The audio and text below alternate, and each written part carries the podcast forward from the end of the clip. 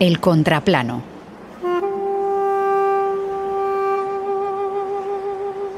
En el antiguo Egipto, cuna de la alquimia, ya miraron hacia el subsuelo, mezclando metales con misticismo. Siglos después, el misticismo fue suplantado por la ambición, el poder, y así llegó la fiebre del oro o el brillo del diamante robado.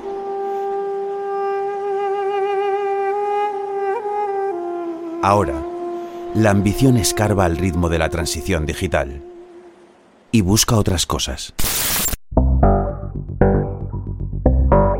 Samario, tantalio, indio, galio, neodimio o paladio son algunos de los metales raros, también llamados tierras raras, y que los tecnoprofetas de Silicon Valley han bautizado como el petróleo del siglo XXI.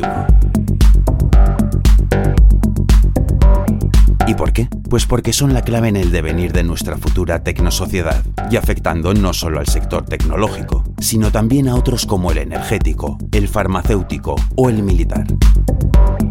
Goloso, ¿verdad? Tanto que ante el agotamiento de los combustibles fósiles, estos metales raros serán la llave para el dominio geopolítico y económico mundial. ¿Y quiénes son los que más escarban en tierra propia y ajena a la búsqueda de este nuevo divino néctar? Fácil. China y Estados Unidos. Último campo de batalla. Canadá.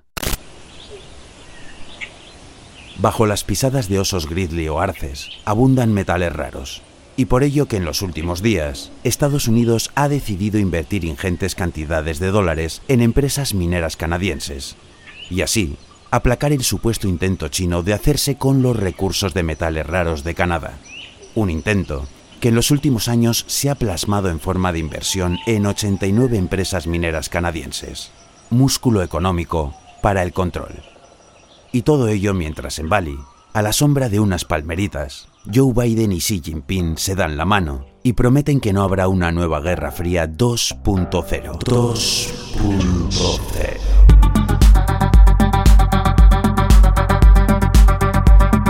que también anda entre palmeritas es Justin Trudeau, presidente de Canadá, país que también forma parte del G20, no como Filipinas, Mozambique o la República Federal del Congo. Países con mucha riqueza en metales raros, pero a primera vista más maleables que Canadá. De momento, Trudeau ha endurecido la ley para invertir en empresas mineras canadienses y ha expulsado a las empresas directamente vinculadas con el gobierno chino. Pero puede que ya sea tarde y que de cara a futuras explotaciones de yacimientos, las adelantadas, opacas y asfixiantes redes del entramado empresarial chino ya hagan depender económicamente a Canadá de los intereses del imperio del sol naciente. Y claro, ¿Significa eso dejar fuera del juego a Estados Unidos? Problema.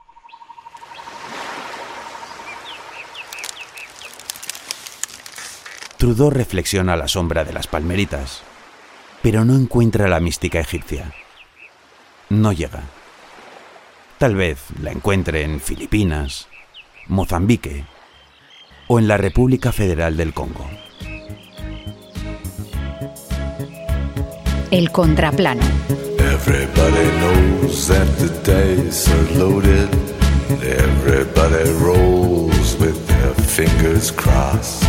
Everybody knows the war is over. Everybody knows the good guys lost. Everybody knows the fight was fixed. The poor stay poor.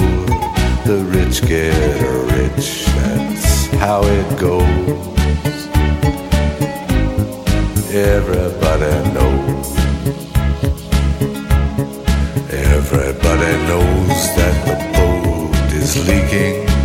Everybody knows the captain lied. Everybody got this broken feeling like their father or their dog just died. Everybody talking to their pockets. Everybody wants a box of chocolates and a long stem rose.